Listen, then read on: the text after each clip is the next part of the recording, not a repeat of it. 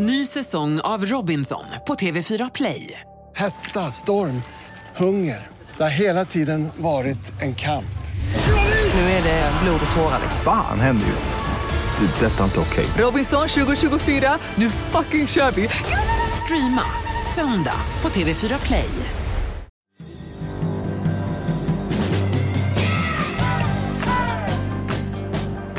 Hej! Hej Mona, hej. Hur har din vecka varit? Ja, hur har min vecka varit? Den har fortsatt vara lite förtvivlad tycker jag och följa nyheterna. Det går liksom inte riktigt att släppa.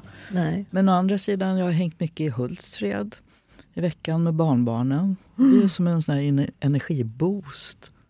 Och så är det som en annan del av Sverige. Man är så Stockholmsfixerad, vi som lever i Stockholm. Och i början när man var i Hultsfred var det liksom men hallå, bor det inga här? Det är, det är inga köer någonstans. Och var- är alla människor? Jaha, jobbar de på industrierna? Eh, Går det att få bostad där? Det var som en annan värld.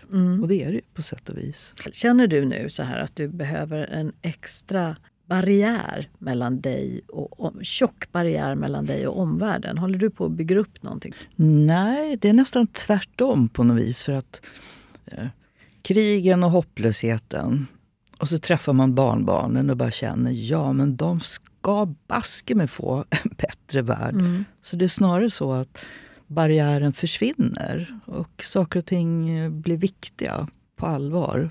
Låter det konstigt? Nej, det Nej. låter inte alls konstigt. Hur har din vecka varit då? Jag Ja. måste säga att du är väldigt snygg idag. Ja, det brukar du vara.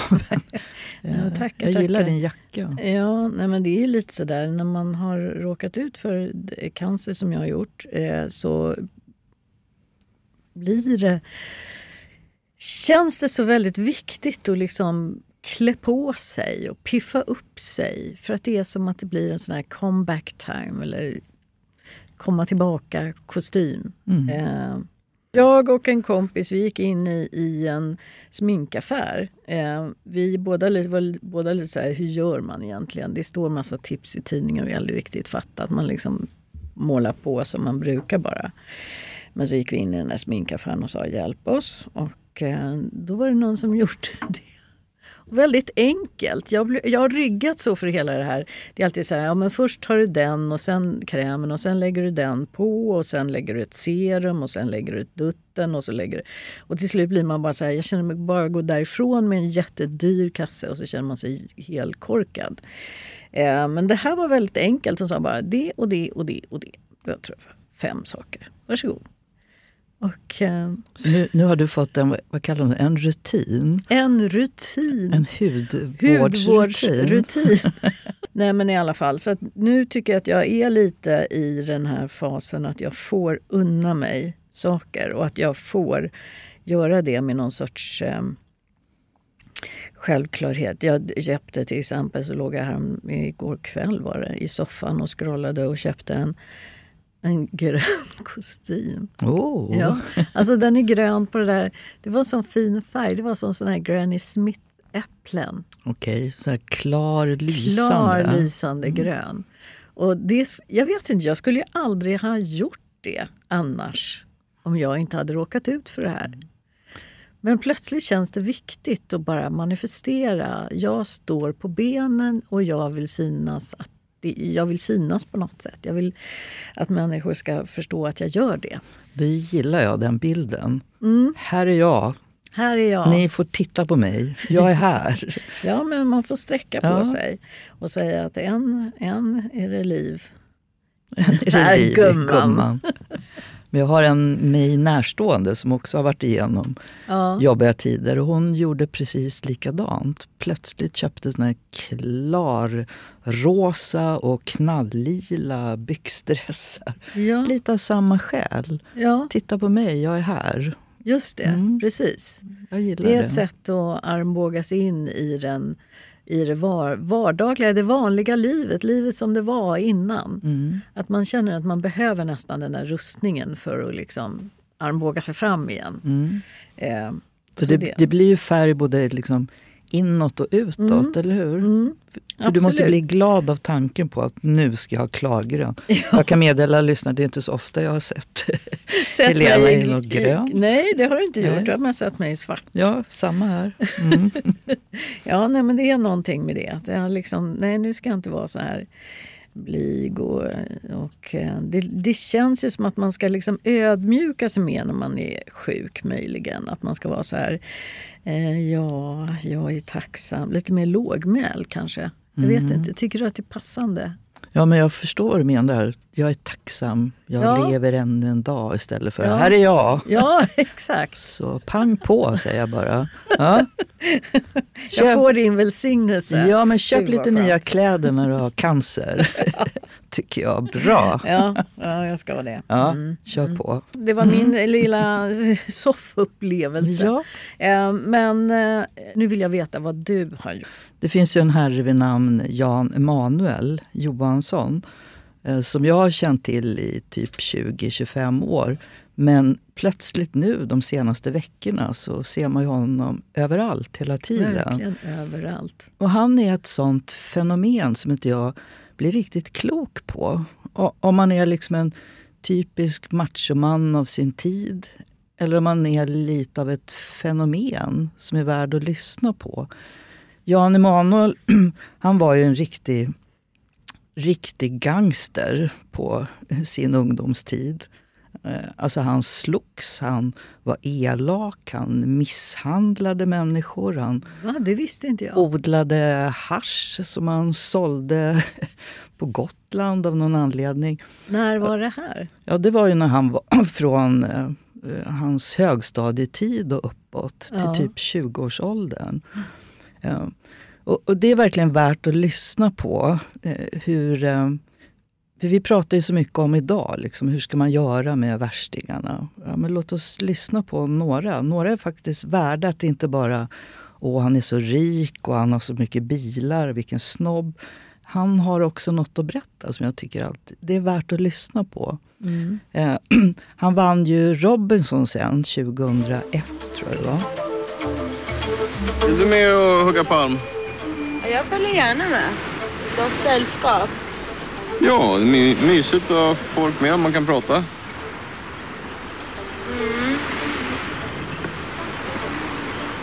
Det är bra om man bryter ben också för det är en lite, lite brantare backe där det ska gå. Och han var också aktiv socialdemokrat. Eh, Så jag kommer ihåg hur man lite höll på honom i den där Robinson. För den han stod emot i finalen hette Dinkelspiel i efternamn och var väldigt konservativ familj. Så det var som yes! Det var lite Kom. klasskamp. Ja, men lite så. Ja. En Johansson tog sig fram där. Ehm, och sen ville han in i riksdagen. Och för att göra en lång historia kort, han drog igång världens personkampanj. Så han hyrde in sig på Sturekompaniet, som är liksom det tjusiga, framförallt var det väl då. Ehm, och hade sin personvalsupptakt där. Eh, och det var väldigt provocerande för många i mitt parti. Som om, nej men vänta nu, Stureplan. Ska man prata om att jag vill in i riksdagen? Det är ju partiet. Blev du provocerad? Nej, jag tyckte det. Jag gillade försöket måste jag säga. Jag har alltid tyckt att det finns en, en poäng med att, att vara annorlunda. Och att det finns något att lyssna på från den som har andra erfarenheter. Skapade, in, skapade intressen och skapade behov just av det här med märkeskläder. Och... Jag har nog pratat politik med, med alla tror jag. Men med... Eh, man kanske känner att man väcker olika mycket intresse om man säger så. Man lurar grannar att tävla med, tävla med varandra om vem som, vem som har snyggaste bilen. Så tror de så här att nej men eh, jag köper den här Super-Volvon bara för att den är, den är så säker och den är ju så bekväm. Och det var väl egentligen först när jag kom in på folkhögskola. Ungefär där någonstans kom jag i kontakt med en kille som höll på mycket med politik. Han introdu- introducerade mig för tanken och det i sig genererade att, att jag började läsa mycket böcker på folkhögskolan. Och om han ville liksom göra en personvalskampanj av att lyssna på mig, jag vill in i riksdagen, så blev det också röster. Så det var liksom win-win. Så han kom in i riksdagen då vid valet 2002. Men när man liksom tittar, för att göra ännu en historia längre eller kortare. Han tog sig ur det här våldsamma livet. Han började ringa runt till dem han hade mobbat i skolan. Alltså han var riktigt jävlig. Eh, för att ta sig vidare och kanske också se sig själv i ögonen. Jag vet inte. Ehm, och han tyckte då, när han började titta på, okej, jag tog mig ur det här efter en lång, lång, lång väg. Hur var vården? Hur, hur mötte man de här unga killarna? Hade han kanske något att berätta om det? Eh, kanske någonting som handlade om att ha höga förväntningar på de här unga killarna, men också väldigt hårda krav. Så han startade upp en, en välfärdsföretag som helt enkelt jobbade med de här unga killarna. Och det gick väldigt bra. Och eh, till slut så blev det ett stort företag i Storbritannien som ville köpa upp hans företag, eller hans vårdidé. Vilket de gjorde. Och han blev ju snorrik. Jätterik. Ännu mer provocerande. Att bli rik på välfärdsföretag men också att bli rik därför att han hade en idé som funkade och som Ja. folk var intresserade av. Du har inte provocerats av den här idén? Eller den här försäljningen? Eh, Jag tycker det har varit, är och har varit väldigt mycket för mycket pengar i välfärdsföretagen. Eh, vi politiker tycker jag var alldeles för flata med att ställa krav på de som nu köpte in sig i välfärdssystemen. Men man måste ju också se att ibland så var det också så att de här entreprenörerna bidrog med någonting nytt. Alla privata aktörer i välfärden är ju inte skurkar. Jag, jag tror inte Jan Emanuel var det. Jag tror han hade en bra idé och han blev rik på det. Ny säsong av Robinson på TV4 Play. Hetta, storm, hunger. Det har hela tiden varit en kamp. Nu är det blod och tårar. Fan händer just nu. Det. är Detta är inte okej. Robinson 2024, nu fucking kör vi! Streama söndag på TV4 Play. Ett poddtips från Podplay. I fallen jag aldrig glömmer djupdyker Hasse Aro i arbetet bakom några av Sveriges mest uppseendeväckande brottsutredningar. Går vi in med hemlig telefonavlyssning och, och då upplever vi att vi får en total förändring av hans beteende. Vad är det som händer nu? Vem är det som läcker? Och så säger han att jag är kriminell, jag har varit kriminell i hela mitt liv men att mörda ett barn, där går min gräns. Nya säsongen av Fallen jag aldrig glömmer på Podplay. Men sen har han ju blivit liksom större än sig själv. Han, han blev större med han, De som har sett honom på bild ser han är ju gigantisk eh, kropp. Han har ju bodybuildat. Han är jättestor. Han har jättestort skägg. Han har jättelångt hår, en knut. Han har helt förändrat sig själv. Eh, och I början tyckte jag jag vill verkligen förstå honom. Jag ska verkligen läsa hans tjocka, tjocka bok. Men det finns också något provocerande med hur hans åsikter har utvecklats med tiden. För det är som om han har radikaliserats. Han har blivit eh, populist. Och han sätter en ära i att vara populist också. För han tycker man ska göra som folket vill. Och där är inte jag riktigt Nej, men med. berätta, berätta exempel på på vilket sätt han är eh, populist, i vilka frågor och hur det kan låta. vi män ska väl inte behöva dras med de här feministerna hela tiden. Varför ska inte män kunna vara män och kvinnor kvinnor? Eh, Okej. Ja, typ så. Eh, Och det finns inga, jag har inga problem med starka kvinnor, säger Jan Emanuel. Jag har inga problem med det. Men vänta lite nu, det är inte det som är kvinnornas uppdrag. att vara och leva så att eh, Du inte får machomän problem. inte får problem. Nej, det känns ju så här som att tack snälla gå här, då kan vi fortsätta. Ja, men lite så. Om det regnar, min fru är i bilen, då går jag in, hämtar ett paraply, går in med henne under paraplyet. Jag tycker att så, så ska man göra. Om vi ska ut någonstans, alltså den som inte betalar, den mannen som inte betalar när man är ute på vad du kallar för en dejt, utan säger men eh, kan du swisha mig pengarna? Gå hem gosse, du kan inte bete dig så. Och om vi ska ut, om, om vi ska ut ur restaurangen så öppnar jag dörren. Inte för att jag tror att min fru är handikappad och inte, kan, inte har några armar och inte kan öppna dörren, utan för att man gör så. när han pratar om kraven då på, på de här unga killarna som inte har några manliga förebilder och att man inte får klema så mycket. Man måste ändå ställa krav och förväntningar. Så finns ju ett stråk där som jag verkligen vill Mm. höra. Mm. Men sen å andra sidan så eh, kan det ju handla lika mycket om att eh, invandrarna är en stor del av problemen. Mm. Så han, han, han kastar sig mellan att provocera på ett sätt som bygger på en, en ärlig, upplevd verklighet som sådana som Jan Emanuel har och som vi måste lyssna på och förstå till att bli bara jag vill synas. Jag, eh, han, han är så nöjd över uttrycket att han, han är en löpsedelsfrossa. Och så har det ju varit i 20 års tid. Liksom löpsedlarna med Jan Emanuel och att han döper lyxbilar till Mona och till Göran. Och, och media går med hela tiden och så blir det en ny rubrik och så blir det mer följare. Han har lika många följare nu som Magdalena Andersson till exempel. Mm. Vilket ju säger en del. Är han med i partiet fortfarande? Ja, absolut. Mm. Det är han. Kommer Mm. han bli en ny statsminister? Nej, det kommer han verkligen inte att bli. Men det är, liksom, det är företeelsen som jag Ja. tycker är så intressant. Både sökandet efter att eh, om inte jag syns så finns jag inte. Mm. Jag, menar, jag har varit där jag trodde att det enda sättet att finnas på är att synas. Om jag inte är med i media en hel vecka, då är jag en urusel politiker.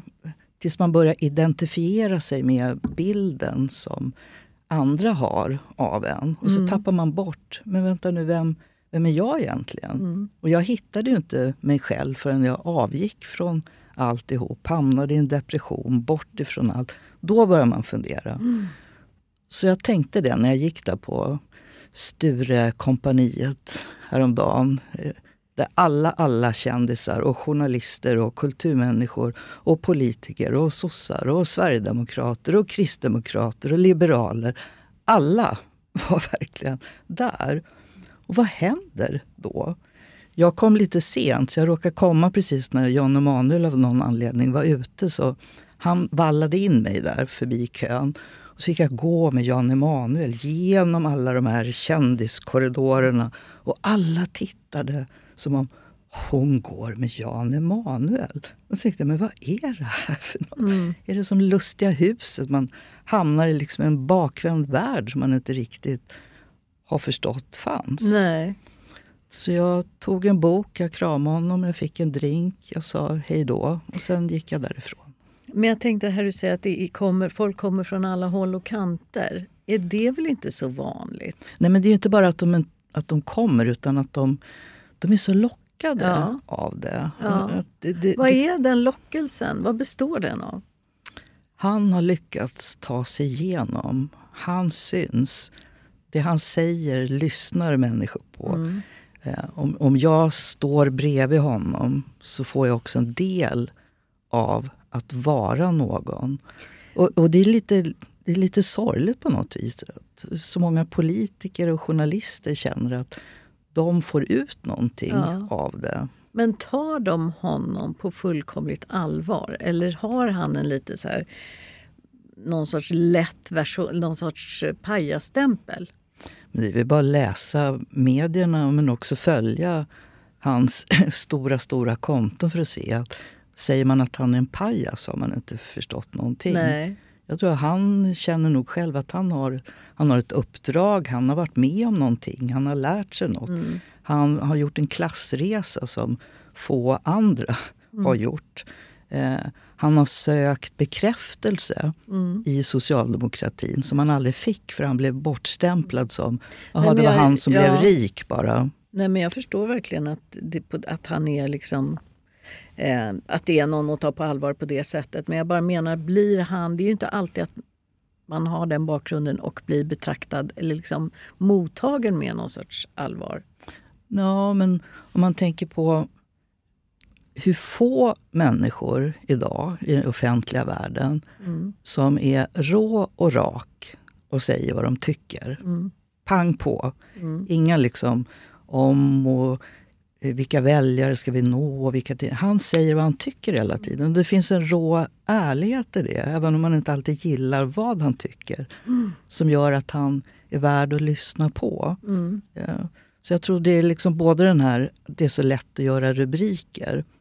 Men hans framgång är också, tycker jag, något slags tecken på det som saknas ofta i det offentliga samtalet. Vi är för många som å ena sidan och andra sidan. Och, ja, men, och Israel och Hamas och ena och andra.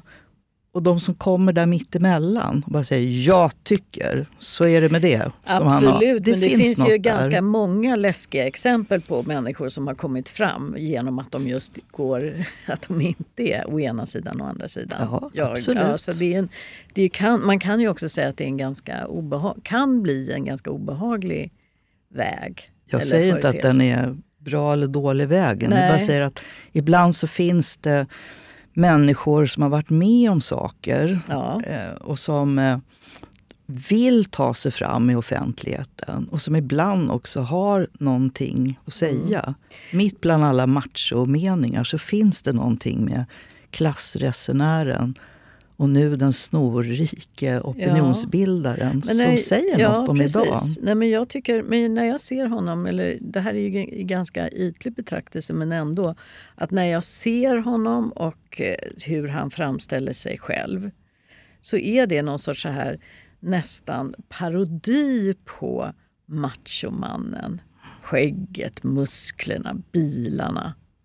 Och sen fäller just den här typen av kommentarer om att jag inte har problem med starka kvinnor, män och så vidare. Kan, kan inte bara kvinnor vara kvinnor och så vidare. Mm, finns det någonting i den där bilden som du har tänkt på också? För jag, jag reagerar bara spontant med att eh, bli lite... Jag känner att nej, men det här, är det här någonting som är läskigt på något sätt? Mm. Men det kan ju också vara så att det är precis det sådana som Jan Emanuel vill att du ska göra. Ja, han, han bygger upp sig själv till den fördomen som många har om machomän.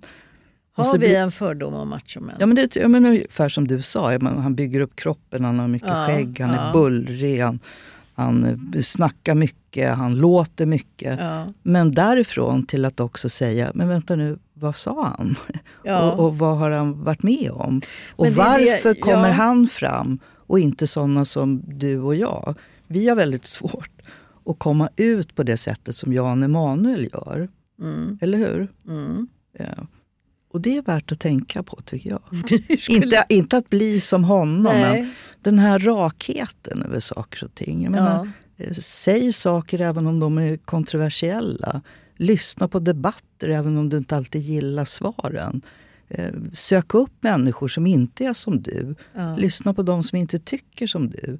Där någonstans har ja. jag fastnat för att ändå lyssna på Jan Emanuel. Mm. För att han har den här bakgrunden också i, i mitt parti, att han verkligen är en klassresenär. Ja. Men det är inte du, så många du som är känner, det. Du känner att det som jag kan då reflektera, eller det som jag kan i, i, känna när det är honom, att det är någonting, det är en fördom som inte stämmer. Ja, men det vet jag inte, men det är inte ett skäl till att inte lyssna. Nej, nej, nej. Men när han och då, inte reflektera. Ja, men om mm. han då säger att, att, vad var det du sa att han hade sagt om kvinnor? Nej, men jag har ingenting emot om kvinnor växer och blir starka. Det har inte jag någonting emot. Ja. ja. typ. Och sen sa någonting typ också att varför kan inte kvinnor vara kvinnor? Eller? Ja, absolut. Låt ja. män vara män. De här äh, feministpersonerna förstör relationen mellan man och kvinna. Det är ju så som många män ja, tycker. Men bidrar han inte riktigt lite till då den här fördomen själv? Jo, men visst gör han det. Ja, för att då känns det som att allting faller på plats. Hur då menar du? Allting blir en bild av, av en sorts machoman. Alltså både de yttre tecknen och det han säger. Men min poäng är ju mm. lite mm. att eh, sådana män som Jan Emanuel, mm. även om han är unik då med sin bakgrund, mm. de finns. Mm. De är ganska många. Oh, de tycker ja. som de tycker. Ja, ja. Och då känner jag lite som en... Det är min plikt att höra vad de säger för att kunna säga emot. Men ibland också förstå varför tänker de som de gör. Ja. Varför tänker han som han gör, tror du, om kvinnor? Varför att, att det, de är så problematiska. Ja, men jag känner inte Jan Emanuel så Nej. mycket att jag kan svara på det. Nej, jag menar, men, liksom, vad är det som är så problematiskt tror du? För att om du säger att du lyssnar på honom och hans budskap eller hans tankar. Det, det, det förstår jag. Liksom, det kan man ju verkligen. Det är ju jätteintressant. Men man kan ju också fantisera om varför upplever man att kvinnor ska vara kvinnor och män ska vara män och ha alla attribut som är så väldigt klassiskt manliga. Mm. Ja du. Vad är det som är så hotfullt med starka kvinnor? Vad är det som de här starka Ja, männen men- känner sig så provocerade Ja, av? ja. Det är verkligen ingen enkel... Nej. Det, det handlar ju så mycket om... Eh, ibland tror jag också den här machobilden som många män känner att de måste låtsas Mm. tycka. Som Mm. de måste låtsas vara. De måste bygga upp sig och se starka ut. Och de måste säga de här sakerna för annars är de inga riktiga män. Ibland tycker jag ju att eh, den sortens argumentation om kvinnor som Jan Emanuel och andra Mm. har Mm. eh, det är ju en väldigt svaghetstecken Mm. också. Mm. Och det är någonting som binder fast många män vid ett sätt att vara som jag inte alltid tror att de själva har valt eller skulle välja om de kände att de kunde. Mm. Förstår du? Ja, absolut. Men tänker du då att mitt sätt att betrakta honom är en sorts fördom som är besläktad med den fördom som vi kan uppleva att han har mot kvinnor? Ja, lite så. Ja. Jag, jag tycker ge... Det, nu, nu låter det som att jag sitter ut stackars Jan Emanuel, vi måste lyssna på honom. Herregud, han har liksom en kvarts miljon följare som, som lyssnar på honom. Men det är någonting med den tiden vi lever i Mm. idag. Mm. Någonting som handlar om att våga vara kontroversiell. Mm. Att det är en bristvara. Och de som då sticker ut och är kontroversiella. Och dessutom tycker jag då, för Jan Emanuel är kanske inte liksom jämställdhetsivraren, absolut inte. Men det är så mycket annat. Som killar som har varit liksom nere i skiten och tagit sig upp. Som, ja, det är ett krav tycker jag, att vi, vi måste lyssna. Mm. Och de måste lyssna på oss. Ja, och då måste men- vi säga något också. Ja, men uppenbarligen så, så är det många som lyssnar. Ehm, Ja, men alltså, det, det finns mycket att säga. Jag tycker Jan Emanuel för mig är bara ett exempel på att eh, ibland så finns det berättelser som är värda att lyssna på som är bortanför den bild som många försöker bygga upp av sig det själva. håller jag med om. Jag och tycker- där är ja, han en ja, person som det jag... håller jag med om. Jag tycker Mm. att allas berättelse, alla människors berättelser är värda att lyssnas på och eh, ta på allvar. Mm. Eh, absolut. Men sen blir det ju, jag, jag kan ju, varför jag liksom eh, är, är lite så här motsträvig Ja, idag i den här det. diskussionen. Det är för att ibland tycker jag att det finns en sån allmän så här Ja men han säger ju ändå vad han tycker bara. Eller han är ju liksom, eller hon. Och att det är okontroversiellt. Det är liksom en sorts anledning till att man bara ska tycka att någonting är okej. Men jag gillar ju att prata om honom just för att han är kontroversiell. Ja, Att det väcker debatt, att det Mm. tvingar också en sån som mig att fundera. Mm. Hur ser jag egentligen på de här killarna som, som vi nu pratar om i gängen? Mm. Som också har den här machobilden och kraven också på sig själva. Mm. Eh, Och då tycker jag, jag gillar kontroversiella människor, inte för att jag håller med dem. Utan för att jag tycker om det där tuggmotståndet som uppstår i mina egna åsikter och tankar om andra Mm, människor. mm.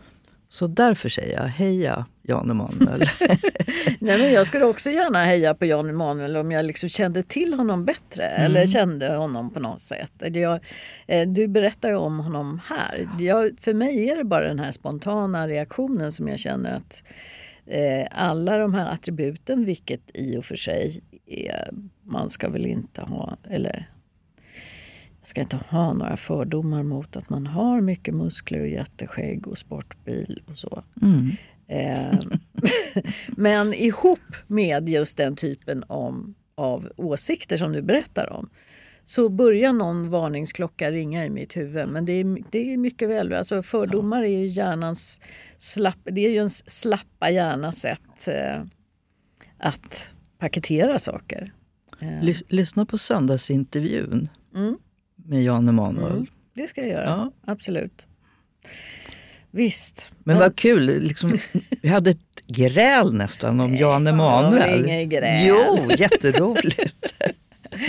Jag var bara lite kärv. Ja, men det är bra. Du är kärv. Ja, Ja. men det, jag, för det jag har tänkt på mycket nu. Eh, jag har, alltså, jag är skapt så att jag ständigt har som en sorts debatt i mitt huvud. Jag tycker att det är väldigt svårt. Att just det här som du säger med en människa som är så här klar och tydlig och allt det där. Jag är aldrig klar och tydlig, inte ens för mig själv. Jag har alltid sån här, ja men å ena sidan och andra sidan i mitt huvud. Jag är som en sån här Studio 1-program där man sitter och, och debatterar eh, olika saker.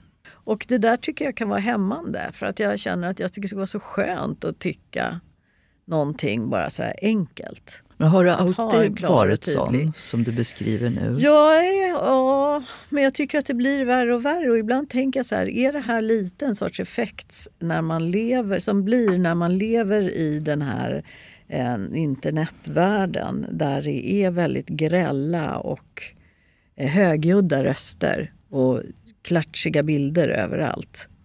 Som gör att det bidrar till en sorts virvar av ens egna tankar.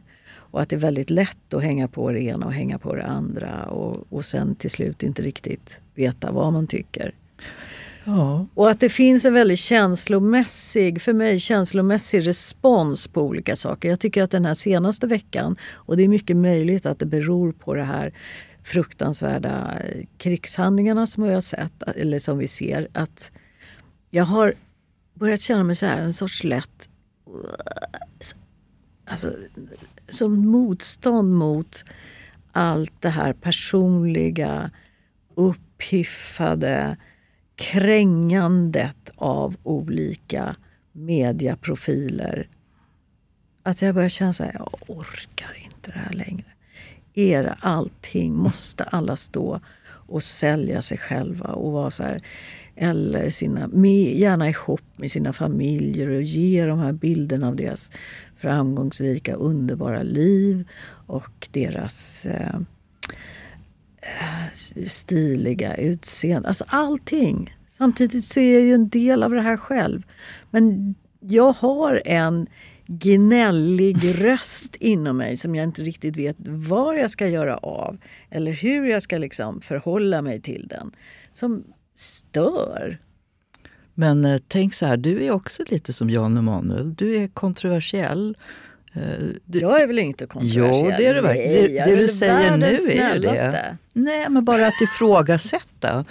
Liksom, vad, vad gör den här Ja. internetvärlden Ja. med oss? Ja. Det är en hälsosam debatt, Ja, men tycker jag. alltså, jag, jag kan känna, jag känner mig samtidigt, tänker jag, jag är ju själv med. Ja, det är vi alla. Mm. Ja. Jag, jag menar, vi poddar och jag säger, går ut på sociala medier och säger lyssna på vår podd. Mm. Eh, Och partierna som inte har så mycket medlemmar längre, de måste också vara ute Ja. på poddar och på nätet, på alla sociala plattformar som finns. Världen har ju blivit annorlunda mot vad vi tänker att det var när vi växte upp. Vi vithåriga gamla damer. Det är annorlunda. Ja. Och lite handlar det om att köpa det också. Och Gör försöka det? använda det. Men det där tycker jag är intressant. Är det, är det så när man blir äldre att man måste automatiskt köpa allting? Bara för annars är man gammalmodig. Att det är, något så här, är inte det lite också en åldrande människas plikt att vara lite jobbig och gnällig? För liksom, det känns ju också som en annan sorts mardröm om alla äldre människor ska ja det är jättebra, allt ni gör, jag tycker det är toppen. Ja, men det är ju det som är det kontroversiella som du säger nu. Det är det som är bra. Jag bara menar att Ja. den här världen som de yngre människorna idag lever i kan ju inte vi heller bara liksom vända oss ifrån och säga att det Nej. där tyck. Utan man Nej. måste ändå se, nu är det så här på gott och på Nu är det ont. så här på och hur använder vi det Ja, på gott och precis. på ont? Ett poddtips från Podplay. I fallen jag aldrig glömmer djupdyker Hasse Aro i arbetet bakom några av Sveriges mest uppseendeväckande brottsutredningar. Går vi in med hemlig telefonavlyssning och, och då upplever vi att vi får en total förändring av hans beteende. Vad är det som händer nu? Vem är det som läcker? Och så säger han att jag är kriminell, jag har varit kriminell i hela mitt liv men att mörda ett barn, där går min gräns. Nya säsongen av Fallen jag aldrig glömmer på Podplay. Att var, bli ett bra varumärke är ju en sorts eh, villkor för att tjäna pengar och ha en bra tillvaro, eller ekonomiskt bra tillvaro. Eh, och vad ska man säga om det? Det är det samhället vi har. Ja. Och det är också så unga människor idag växer upp. Att det är ett, en eftersträvansvärd situation, eller sits. Mm. Det är också därför att arbetsmarknaden ser helt annorlunda ut Mm. idag. Det blir allt färre som har ett fast jobb som man utbildar sig till, börjar jobba när man är 20, går i pension när man är 65 Mm. från samma jobb. Det finns ju inte längre. Nej. Utan även i den så kallade vanliga arbetsmarknaden så måste du vara någon, du måste tala för dig, du måste skaffa dig kontakter, du måste vara duktig på att presentera dig. På det viset så tror jag våra barnbarn kommer att vara lysande bra på att ta sig fram i den där världen. Därför att de, på gott och på ont, Mm. fick fundera över de tankarna redan när de var små. Och bostadsmarknaden, det är samma där. Det finns ingen kö längre som man ställer sig i så får man en bostad. Man måste ha kontakter, man måste ha pengar eller också måste du veta vart du vänder dig. Så vi, det är liksom en så hård och vidrig, jobbig värld Mm, mm. som existerar överallt. Men ingenting blir ju bättre av att man inte försöker ge sig in i den där världen, försöka förstå den, försöka behärska den, lära Nej. sig den. Mm. Nej, men jag tycker att det blir svårt för just att det är personer då som till exempel Bianca Ingrosso man pratar om. Det finns en, en docent i ett, etnologi, folkkultur, Mm, som, ja, som ja. heter Katarina Graffman. Eh, som har pratat om det där att det är inte generation Greta direkt som vi boomers så gärna ville tro. Utan snarare generation Bianca. Och att eh, den yngre generationen är väldigt intresserad av konsumtion. Det som man liksom hoppades på något sätt att de skulle reagera emot. Så, så är de superintresserade av shopping, av konsumtion och att det är ett av de största intressena som finns. Jag tror att shopping ligger liksom så här på nummer ett i vad har ans, liksom målar upp som sin, liksom sitt största intresse. Och eh, ja, då, och det, då, då kan jag bli lite så här, "Öh, ja oj, vad, är inte det lite jobbigt? Eller, är, moralist, tycker du att jag moraliserar om jag tycker att det är jobbigt? Nej, absolut inte. Nej. Den enda diskussionen tycker jag är ändå, går det liksom att vända sig bort bara med tanken på att det är jobbigt? Eller måste man liksom vända sig med ansiktet in mot det som är jobbigt för Ja. att försöka förstå, fatta, förändra? Jag tycker egentligen inte att det finns... Det är kanske så svårt att förstå eftersom det är, finns ju en otroligt stark drivkraft i det där som jag Mm. själv inte står utanför. Här har jag inlett det här programmet med att prata om att jag köpt en grön kostym Mm. och är så glad. Och sminkat dig så och fint. sminkat mig Ja. så fint. Exakt. Ehm, Så vad är det som känns så kontroversiellt? Mm, nej, men det som känns kontroversiellt det tycker jag är att i en värld där man säger så här, vad är, de flesta är överens om att klimatet är det största hotet mot vår överlevnad på den här jorden. Och, och vad som behövs är att köpa mindre. Och så är konsumtion det största intresset av den, som den yngre generationen har. Fast å andra sidan, Ja. de riktigt unga människor som finns i min närhet, Mm. de är jättenoga med att sminket ska vara veganskt, Mm. att det inte ska vara testat på djur, Mm. eh, att det inte ska fraktas från Kina utan det ska Mm. vara i alla fall från Norden. Mm. Det finns ju också i den här galna världen med alla val och alla krav så går det ju också att hitta väldigt mycket andra Det sätt stämmer. att vara. så, eller hur? ja, det, det är verkligen sant. Det tycker jag också. Så på det viset är liksom Greta-världen ändå fortfarande närvarande. För även Ja. in i Bianca-generationen så är de ändå mer medvetna om saker som Mm. vår generation absolut inte var Mm. när vi var unga. Mm. Mm. Mm. Är det ett bra slut? ja, nej, men Ja. jag tycker, oj, nej, jag vet inte. Det är någonting i det här som jag kan tycka är så här bekymmersamt. Det som jag tycker också är svårt när man diskuterar det här, det är att det är jobbigt också när människor blir sina egna varumärken. Så kan jag känna att det är väldigt svårt att ha en diskussion om de här varumärkenas bilder som de lämnar efter sig.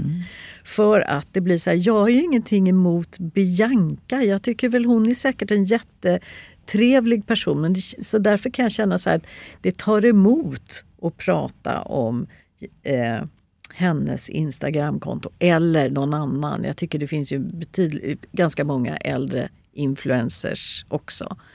Eller alla, alla, alla som säljer med sitt eget namn. Att det känns som att man liksom, om man pratar om själva fenomenet så är det så lätt hänt att det känns som att man kritiserar den personen. Men det var ju som diskussioner vi hade om, om Jan Emanuel också. Ja. Är, är man influencer på den nivån, Mm. då är man till för att också bli diskuterad Ja. och ifrågasatt och gillad eller hatad. Mm. Allt det kommer liksom med, även för en sån som Bianca. Mm. Det är ju inte bara att man blir rik, man blir också väldigt utsatt. Ja, Och det ska man vara. Jag skulle, om, jag, om jag hade en dotter och hon eh, var influencer på den nivån, då skulle jag vara jätteorolig. Och tycka att det var ett väldigt besvärligt jobb att ha. Ja, det är väl samma som att titta på mig och säga att ha varit politiker på den nivån är också ett Ja. väldigt jobbigt jobb av samma Ja. skäl. Att du blir väldigt Jag skulle vara väldigt utsatt, orolig om jag var påpekad. din Ja. mamma. jag kan tycka att jag själv har problem med det där. För att det är... Om, om jag tänker på när jag till exempel eh, började skriva böcker. Eller började överhuvudtaget vara liksom en offentlig eh, journalistprofil på något sätt. Eh, då om man skulle bli fotograferad. Det var ju inte tal om att man skulle bli sminkad av någon annan människa än sig själv. Det fanns ju inte överhuvudtaget. Utan man, man liksom frontade med den man var. Man försökte väl lite så här få till det på bästa sätt. Men det var ju väldigt mycket då att man skulle liksom hitta en själ eller att det skulle vara någonting som berättade någonting bakom, någonting sånt. Inte yta, yta liksom. Ja, men du var ju påverkad av den verklighet som fanns då. Mm. Och de som är unga nu blir ju Mm. påverkade av den verkligheten de Absolut, lever i. Absolut. Så- Jag menar bara att det är en skillnad. Och att idag är det ju verkligen inte så. Utan idag vill vi ju alla...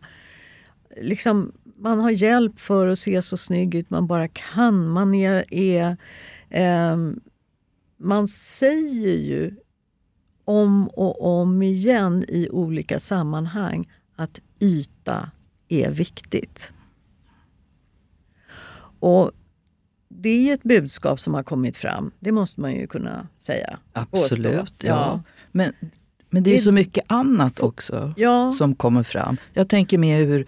ehm, tänk vad många som har lärt sig att förstå hur det är att leva och vara gay i Sverige idag. Mm. Tack vare att det finns såna platser på nätet och såna Mm. berättelser. Mm. Ehm, också att vara ung tjej.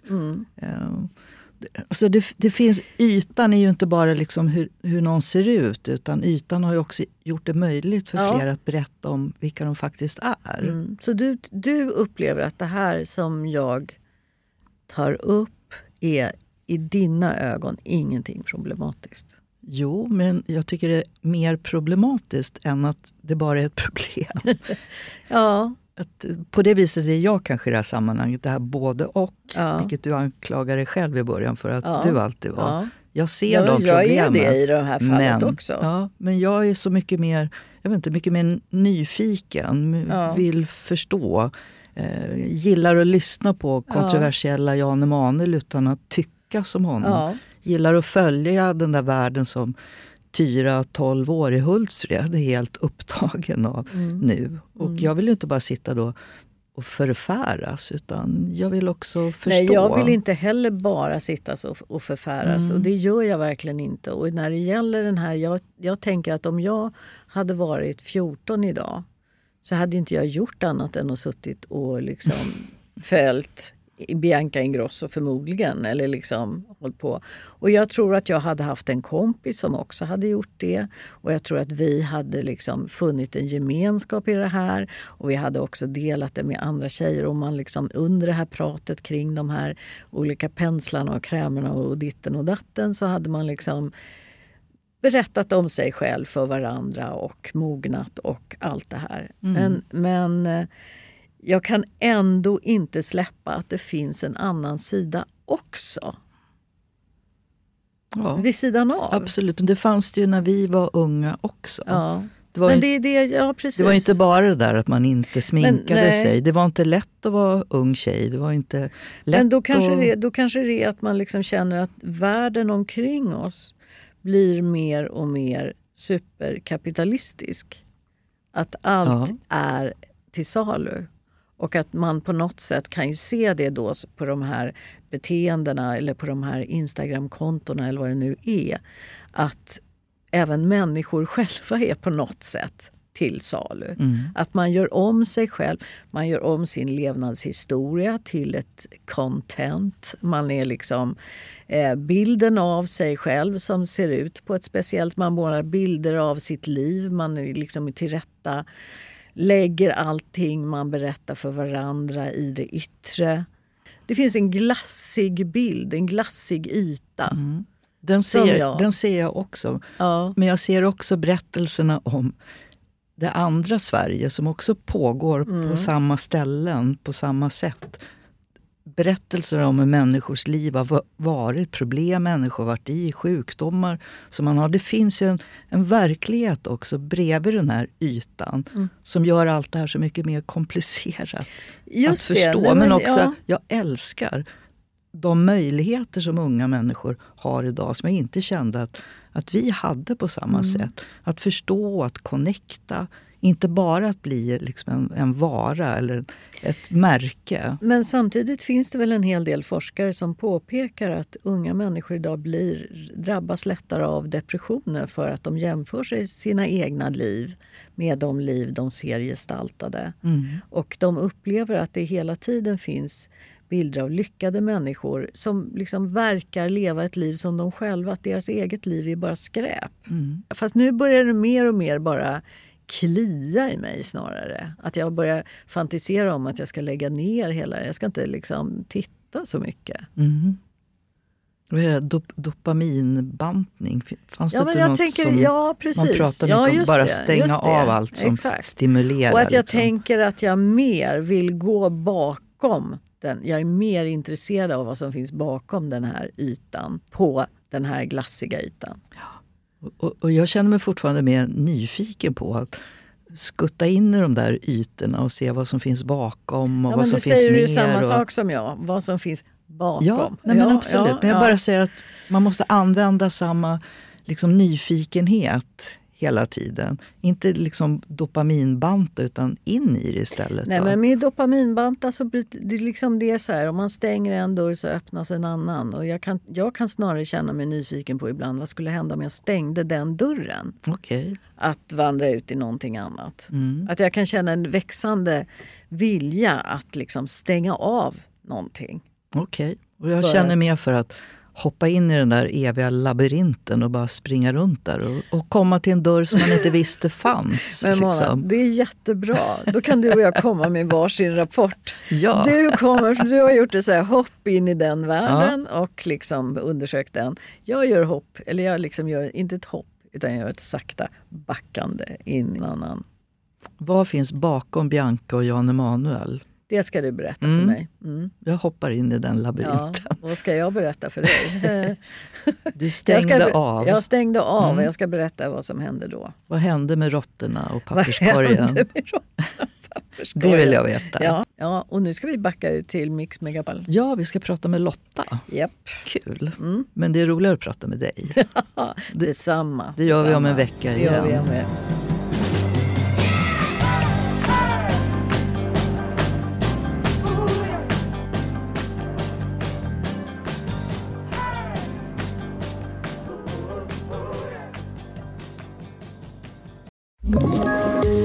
Poddtips från Podplay.